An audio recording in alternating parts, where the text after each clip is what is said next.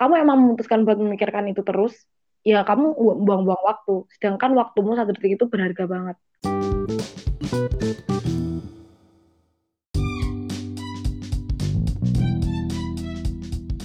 Halo teman-teman, selamat datang di Pori Pori Tika, podcast ceria bersama Tika. Oke, akhirnya aku bisa collab sama salah satu senior podcaster asik. Jadi dari kemarin kita tuh nggak sempat-sempat either aku yang ketiduran atau dia yang ketiduran, tapi akhirnya malam ini kita bisa ngobrol bareng. Halo Ami. Halo Tika. Oh my god. Oh, jadi oke, okay, jadi Ami ini tuh punya podcast juga. Namanya tuh Kata Amik.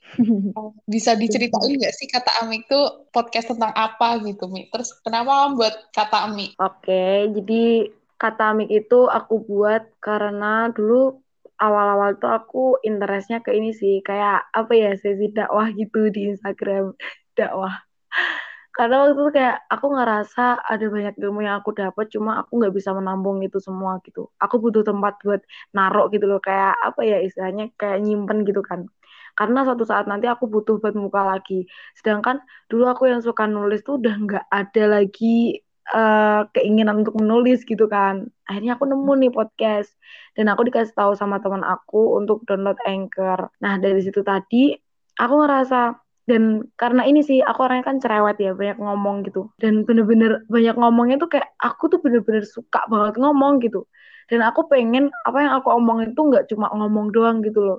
Akhirnya aku ngerasa di podcast ini tuh kayak udahlah ini tempat paling paling comfort sih buat aku gitu. Karena dari situ aku bisa menumpahkan semuanya yang aku pengen share gitu. Bahkan suatu hari apa suatu saat tuh aku bisa ngerasa eh kok aku pernah ngomong kayak gini ya gitu. Kayak kadang nggak kayak nggak percaya gitu kan. Cuma oh oh iya iya iya aku ingat kayak gitu. Itu udah jalan hampir setahun lebih sih aku ini di podcast ini. Jadi tujuanku ya aku pengen apa yang aku simpen itu kenapa aku share ke teman-teman juga gitu? Aku pengen teman-teman juga ngambil baiknya dari situ gitu.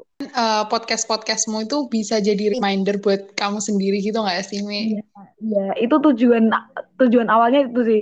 Kayak aku pengen uh, apa yang dulu bikin aku tuh kayak hal yang biasa dan mungkin suatu saat bukan bukan untuk apa ya tapi kayak aku ngerasa kayaknya nanti aku bakal butuh gitu. Dan ternyata iya gitu oke oh, ih bisa-bisa ya dulu aku ngomong kayak gini sekarang aku bisa lupa gitu loh Kayak keren banget sih.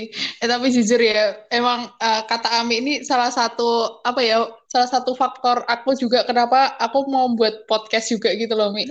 Beneran serius, gak bohong. Aku, aku seneng banget tadi waktu kamu buat podcast gitu aku, ih, sumpah akhirnya ada teman main podcast gitu kayak ini loh, ini tuh dunia itu enak banget dan nggak banyak orang tahu gitu, belum banyak orang tahu banget. Iya, yes, banget. Oke, oke okay, teman-teman jangan lupa mampir ke podcastnya kata Ami ya. Terus kayak scrolling tuh cari tahu tuh kata Ami nanti juga seru-seru. Oke, okay, kita langsung uh, uh, ke poin pembahasan gitu kali ya Mi ya. Nah, okay. membahas tentang karir, pendidikan, terus kayak memasuki usia 20-an gitu kita tuh hmm. kayak sering banget diserang dengan pertanyaan tentang quarter life crisis gitu kan. Uh, kayak aku nih misalnya, aku tuh nggak pinter-pinter banget di kuliah gitu loh, malah bisa iya. dikatakan tuh bego gitu kan. terus, merendah. Terus, terus kayak, aduh, aku tuh takut nanti aku kerja apa. Terus yeah. ya kayak banyak pikiran-pikiran tentang, aduh nanti uh, ke depannya aku bakal gimana gitu. Nah, hmm. kamu pernah nggak sih overthinking tentang tentang karir atau suatu hal yang uh, berkaitan di masa depan gitu? Gini, kalau aku sendiri tuh menyimpulkan pola pikirku itu akan mencari hal yang bisa aku pikirkan ketika aku ada di waktu yang senggang gitu loh. Jadi kalau misalnya aku nggak tahu ya ini terjadi di orang lain atau enggak. Jadi waktu kita nggak benar-benar banyak kerjaan tuh jadi kayak malah mikirin hal yang nggak penting terus jadi kita pikirin kayak gitu kan. Hmm. Cuma memasuki usia apa ya 20 ini tuh aku ngerasa ada hal yang bener-bener beda yang kayak duh ini kayak bukan aku gitu loh bahkan aku sampai mikir ini bukan aku deh kayaknya gitu loh kayak pikiran-pikiran uh, kekhawatiran kita tentang masa depan kita, kekhawatiran tentang finansial, kekhawatiran tentang hal yang akan kita lakukan di masa mendatang kayak gitu tuh banyak banget terjadi gitu loh. Kayak bahkan itu bisa mengganggu kita gitu, mengganggu kegiatan kita, mengganggu uh, pemik apa ya ganggu pikiran yang harusnya itu kita pikirin tapi malah tergantikan dengan hal yang nggak penting itu tadi kayak gitu. Jadi kayak hmm. itu waktu aku nggak ada apa namanya nggak ada waktu buat mikirin apa ya kayak anak-anak zaman sekarang mikirin gitu kan aku tuh kayak mikirin buat masa depanku tuh kayak gimana gitu loh tapi ternyata makin ke sini tuh jadi kayak makin sering gitu mikirin tuh nanti kalau misalnya aku gede mau jadi apa? Gitu. Aku pikir ya dulu waktu kecil aku pikir tuh umur 20 tuh udah gede banget gitu. Sekarang aku kayak nggak ngerasa apa-apa paham gak sih? Kayak aku belum ngapa-ngapain cuy 20 tahun belum belum berpenghasilan. Oh menghadapi pikiran-pikiran kayak gitu tuh gimana tuh caranya? Kan kayak aduh ganggu banget loh uh, pikiran kayak gitu tuh Mi. Ya nggak sih? Ya, ganggu banget. Apalagi kalau misalnya hal itu ternyata datang waktu kita banyak kerjaan. Jadi justru malah mereka mengganggu kita waktu kita memiliki hal yang harus kita kerjakan dan pikiran kita nggak bisa fokus gitu. Padahal Padahal apa namanya fokus apa kita pemikiran kita tuh pikiran kita tuh punya peran besar gitu loh di kegiatan-kegiatan kita yang kita lakukan kayak gitu. Nah, kalau aku sendiri jujur pribadi aku masih kadang susah buat apa mengendalikan overthinking itu. Cuma aku ngerasa better karena beberapa apa ya? beberapa hal yang bikin aku tuh bener-bener sadar gitu kalau misalnya kita tuh perlu kita tuh perlu perlu melakukan hal yang mungkin kadang nggak nggak kita lakukan ke diri kita kayak gitu. Jadi apa ya istilahnya kayak kita keluar dari zonanya kita gitu loh. Kita nyoba buat keluar dari coba deh kita lepas pemikiran yang kita pikirin terus gitu. Kita mikir itu sebenarnya manfaat gak sih kita mikirin kayak gitu terus? gitu loh. Kayak emang kalau misalnya kamu pikirin terus tuh bakal berubah. Justru apa? Ya oke okay, kamu bagus. Kamu bisa mikirin masa depan gini coba habis itu lakukan dengan aksi gitu. Bukan dengan pikiran terus mikirin terus tuh jadi apa gitu loh. Sedangkan waktu tuh nggak bakal berhenti nungguin kamu mikir.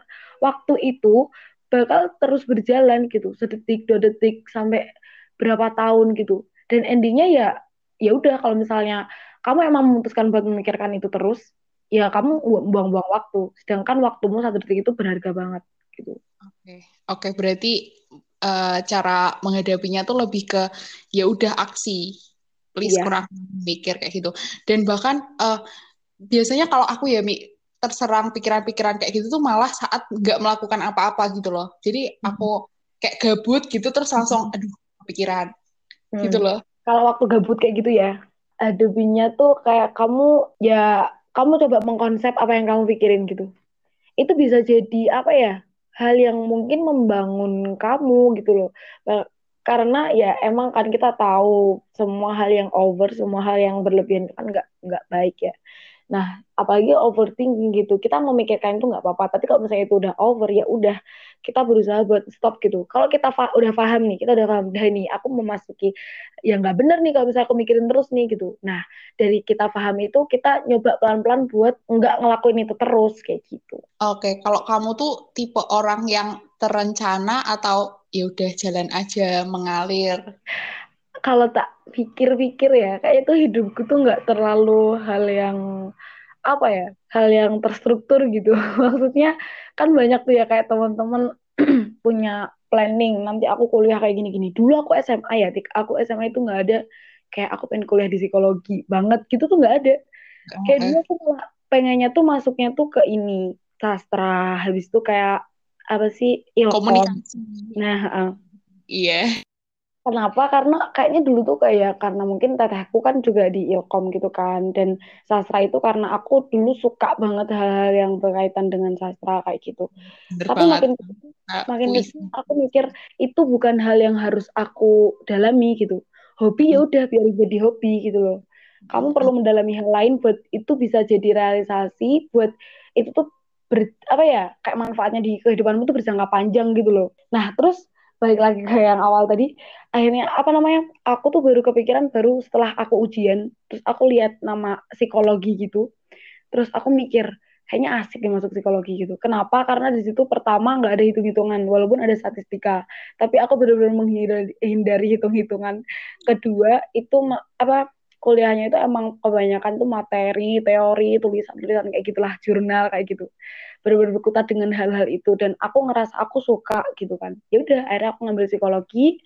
Waktu itu bapak aku pengen aku masuk PAI dan ternyata di universitas itu ada program kuliah dua prodi sekaligus jadi aku ngambil itu. Okay. Jadi itu bukan bukan hal yang aku rencanakan dari awal gitu loh. Nah, dari situ tuh aku mikir karena kayak teman-teman kita banyak kan yang kayak berjuangin UTBK sampai nangis-nangis sampai anu. Aku tuh ngerasa coba aku hidupnya kenapa effortless banget ya? Gitu loh. Kayak aku nggak pernah ngerasain aku nggak ngikutin UTBK tik. Aku nggak pernah ikut les-les kayak gitu nggak pernah. Kamu kamu nggak ada kayak aduh aku pengen PTN kayak gitu nggak ada ya Mi ya?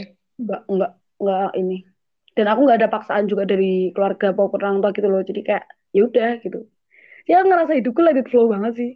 Oke okay, tapi tapi dengan kehidupan yang let it flow ini kamu kayak mikir gitu gak sih, duh kok aku beda ya sama orang-orang, kok aku kayak effortless gitu ya, atau yeah. ya udah memang ini jalan hidupku dan aku memilih untuk uh, let it flow kayak gitu, atau gimana Mi?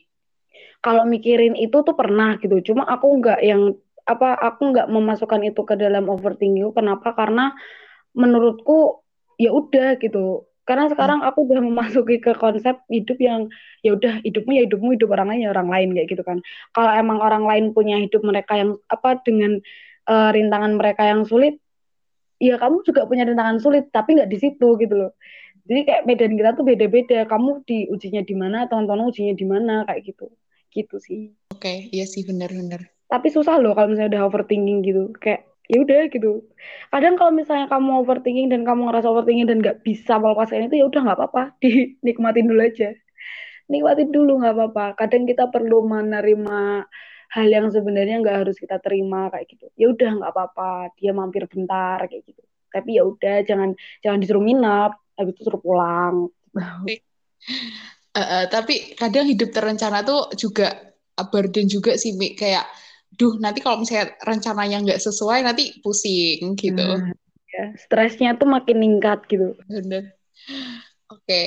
uh, eh, selanjutnya nih aku mau tanya. Sekarang tuh kayak zaman uh, apa sosial media itu tuh banyak banget yang uh, memberikan apa ya narasi-narasi positif tentang sukses di usia muda. Terus bahkan ada yang in, kamu tau nggak sih Mi kayak kemarin tuh sempat viral entah aku doang atau gimana yang itu loh income 250 juta. Tau gak sih? Enggak. Apa itu? Ya pokoknya uh, pokoknya ada salah satu influencer terus dia tuh uh, kayak nargetin uh, cowok idamannya itu 250 juta terus tuh kayak rame di Twitter kayak gitu. Terus hmm. uh, banyak clubhouse yang gimana sih caranya dapat 250 juta? kayak gitu. Pokoknya narasi-narasi uh, tentang sukses muda kayak gitu. Nah kayak gitu tuh uh, sosial media sukses muda kayak gitu tuh nge-trigger kamu buat overthinking juga nggak sih Mi?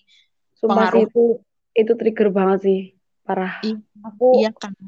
Yes terus gimana tuh Mi? Ini apa namanya? Aku bener-bener setuju dengan hal kita perlu puasa sosmed itu karena itu. Karena aku ngerasa banyak banget penyakit di sana gitu loh. Emang kadang bikin kita nggak apa jadi nggak bosen gitu. Cuma kalau misalnya kita keseringan di sana juga nggak baik gitu loh. Karena banyak hal yang bisa apa ya mind blowing atau mencuci pikiran kita gitu loh. Kadang kita kadang kita nggak worry sama itu tapi tiba-tiba gara-gara sosial media kita jadi mikir gitu kok bisa ya? Nah dengan apa ya kalau misalnya aku lihatnya pertama ini sih aku orangnya nggak update aku nggak update berita gitu kan. Kayak bahkan aku sekarang udah jarang banget buka Twitter gitu kan. Jadi padahal kalau di Twitter kan update banget ya. Kayak tiba-tiba ada berita apa hari ini ada trending apa kayak gitu kan. Dulu aku ngikutin gitu tapi sejak uh, sejak pikiranku tentang COVID dulu tuh kan COVID itu kan nge-trigger aku juga kan dulu. Kayak aku ngerasa aku nggak bisa nih ini mental healthku nggak bisa nggak bisa diselamatkan kalau misalnya aku ngikutin berita tentang COVID gitu kan. Akhirnya aku menutup semua berita biar aku tuh tenang gitu loh. Aku biar aku tuh uh, ngejalanin hidupku tenang nggak nggak ketika sama hal itu kayak gitu. Ya itu tadi orang punya um, income yang sebesar itu di usia semuda bahkan mungkin di bawah usia kita sekarang kayak gitu tuh benar-benar ini sih menurutku kayak tekanan eh kamu bisa apa sampai umur sampai umur sekarang kamu bisa apa? Gitu kan. Eh, iya bahkan sampai sekarang pun aku aku aku kan juga masih aku belum belum bisa nih uh, puasa sosmed gitu kan. Aku masih hmm. sering ngikutin akun-akun yang kayak gitu. Terus ya pada akhirnya ya buat aku overthinking gitu loh. Tapi Iya. ya aku tetap ngikutin gitu loh. Kamu tahu itu kamu tahu itu gak baik buat kamu tapi kamu tetap ngikutin gitu kan? Iya. Aduh aku tuh apa namanya ya kalau misalnya tentang penghasilan itu aku sebenarnya masih mikirin tik sampai sekarang aku mikir kayak ya aku mau berpenghasilan lewat apa ya besok ya gitu loh bener-bener cari yang pas gitu loh tik karena aku udah ngerasa aku orangnya tuh gak bisa telaten gitu kan Mm-mm. kayak mulai Eh. makin jadi makin bingung kita mau berpenghasilan apa gitu Iya sih. Tapi gini loh, Mi, nggak jauh-jauh deh dari seleb, selebgram atau selebgram gitu, gitu ya. Aku Hmm. ngeliat temenku gitu buat SG. Dia jualan enggak sih, dia kayak lebih apa ya, kayak prestasinya mungkin gitu ya. Nah, Hmm. itu tuh trigger aku juga. Aduh, kok dia eh, udah bisa gini-gini, kok aku masih di sini-sini Hmm. aja. Kayak gitu loh. Terus overthinking lagi. kemarin sih semester 3 kemarin bener-bener masa-masa bobroknya aku ketika IPK aku tuh jauh di jauh di bawah eh, pandanganku selama bener-bener aku tuh mematok matok IPK kayak eh, aku nggak mungkin sih di bawah ini gitu loh. Dan ternyata aku mah di bawah itu. Mm-mm. aku mikir hah gila aku bener-bener gak kepikiran aku bisa ada di bawah sini gitu loh.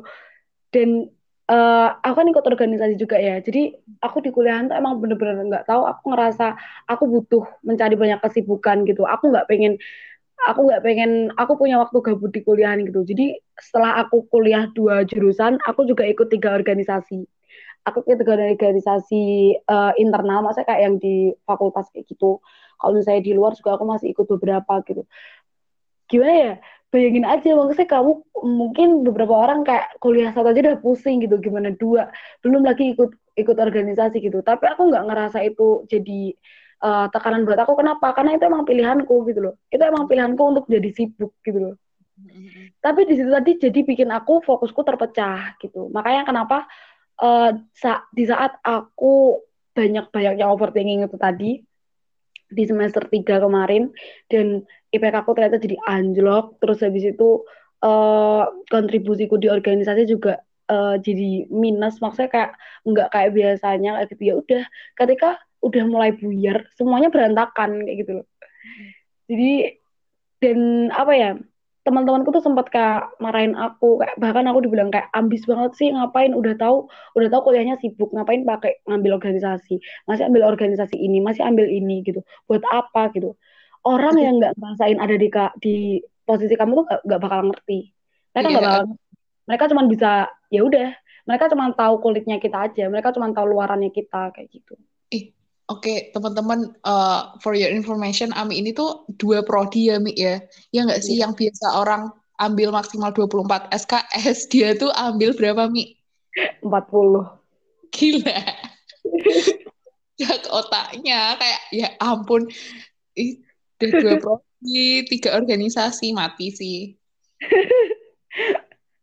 aku waktu aku butuh aku butuh buat uh, waktu kan kayak udah deh kayaknya kamu perlu menyibukkan diri kamu. Gara-gara teman kok dia ngomong kayak gitu udah tuh semuanya tak sanggupin. Bener-bener kamu ikut ikut ini mau nggak? Gitu aku aku ikutin kamu ikut ini mau nggak? Aku ikutin. Kamu apa ketika aku dapat maksimal SKS-nya tuh langsung tak maksimalin aku ambil semua mata kuliahnya. Ya ampun, yaudah. Mi. Mi, kamu kan psikolog ya, Mi. Kamu juga mempertimbangkan kondisi psikologismu gitu nggak sih, Mi? ya iya dong Justru tuh ini, tapi kadang kalau misalnya anak psikologi tuh malah lebih ke ini loh, Tik. Takut kita tuh jadi eh, mudah ngejudge mental kita sendiri gitu loh. Wah, aku stres nih kayak gitu. Gara-gara udah tahu ilmunya gitu ya. Iya, iya, jadi kayak tapi kayak gitu tuh jadi takut. Eh, tapi bener nggak ya? Ya karena aku masih semester awal-awal sih, jadi kayak masih ragu gitu loh. Jadi kayak soal-soal udah ngerti ilmunya langsung diterapin ke diri sendiri. Seru, seru, seru. Oke deh. Eh, ini terakhir nih. Kalau dari perspektif psikologi gitu, kan kamu dari psikolog gitu kan ya. Terus eh, overthinking kayak gini tuh gimana sih dari pandangan psikolog? Kalau yang psikologi itu ya udah kamu sebutin tadi di awal quarter life crisis itu, yang aku tahu tuh di situ. Di usia 20 sampai 30-an itu hal yang sangat wajar di usia kita itu kita mulai memikirkan finansial kita, kita mulai memikirkan uh, masa depan kita, kita mulai memikirkan pasangan pasangan kita, mungkin kita mulai memikirkan hal yang uh, bakal terjadi di masa depan gitu. Karena di usia ini kita uh, memasuki tanggung jawab kita yang banyak kayak gitu kan. Nah, dari situ tadi muncul uh, di usia itu tadi kan banyak perubahan-perubahan kayak perubahan orang yang apa namanya mungkin orang-orang yang nikah muda mungkin orang-orang yang uh, mencapai prestasinya mereka yang udah kita bahas dari tadi itu kayak itu hal yang wajar jadi di usia kita kayak gitu. Dan uh, kenapa kenapa wajar ya apa ya kayak perubahannya tuh di situ gitu loh kayak ngerasa nggak sih kalau misalnya mungkin beberapa teman-teman dan aku sendiri pun kayak ngerasa ini di usia 20 ini tuh kayak bener-bener life changing banget. Kita hmm. ngerasa semua berubah di sini gitu loh. Aku nggak ngerasa aku lebih dewasa enggak, tapi aku bener-bener ngerasa aku berubah dari yang kemarin kayak gitu. Dan itu nggak apa-apa, itu normal selama selama itu bisa kamu kontrol gitu. Semua hal, semua hal kayak gini uh, bahkan dalam Islam pun juga kita tahu kan hal yang berlebihan itu nggak baik kayak gitu kayak hmm. overthinking itu nggak baik kayak gitu kan.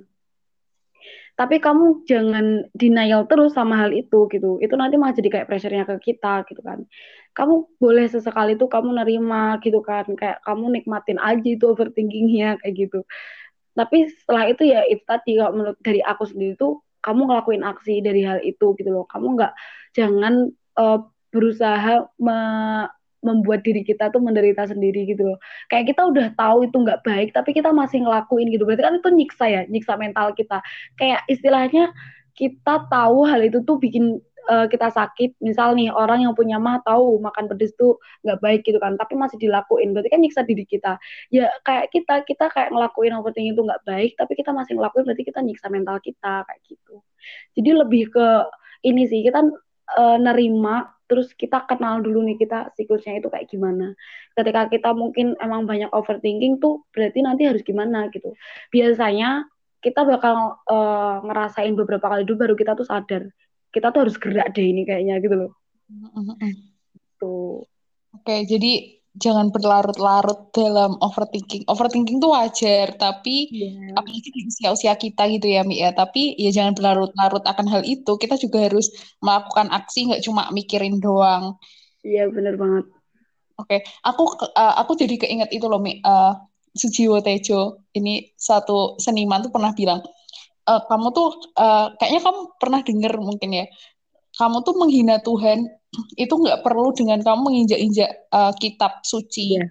Mm -mm. Uh, tapi kamu nggak percaya kamu besok bisa makan aja itu udah bagian dari yeah. menghina Tuhan gitu loh. Iya. Yeah. Itu emang sumpah itu kayak kamu aja kamu nggak percaya gitu loh sama apa yang udah ini kayak gitu. Apa kayak apa ya ya overthinking tadi kan kita berarti mengkhawatirkan hal yang belum bakal belum tentu terjadi di kehidupan kita kan berarti kita meragukan kan ya udah yeah. tentu salah gitu yes benar banget Aw, ya ampun tapi tuh nggak bisa dipungkiri sih Mi. kita tuh masih terbayang-bayang dengan takut akan masa depan sih yeah. ya. kita kayak ini sih kita menurutku kita baru masuk sih Oke, okay. baru masuk kan. Gitu ya, lebih baiknya kita tahu dulu kita tahu dulu kita bakal uh, kita mempelajari dulu medan apa yang bakal kita temui di depan gitu jadi kita lebih siap buat anu jadi nggak kaget gitu loh. Kita kenal dulu tuh sama quarter life crisis kayak gitu. Itu hal yang nggak mungkin bisa jadi nggak bisa di, dihindari tapi kita bisa meminimalisir buat itu tuh jadi berlarut-larut dalam kehidupan kita kayak gitu. Oke deh mantap. Oke deh kayaknya cukup sih Mi. Aku banyak banget ambil poin-poin dari apa yang udah kamu sampaikan tadi. Dan semoga kita uh, menjalani proses pencarian uh, jati diri dan menaklukkan overthinking ini apa ya dipermudah gitulah. Amin. Sukses ya, Dik. Bullshit banget ya. Sukses ya, semoga. Li. Thank you ya. Eh, jadi Amin. Ini harus part satu, part dua, part tiga harus ada podcast lagi sih di sama Pori Pori Tika. Au, boleh banget. Oke. You ya kita udah undang aing. Assalamualaikum. Salam. Semangat puasanya.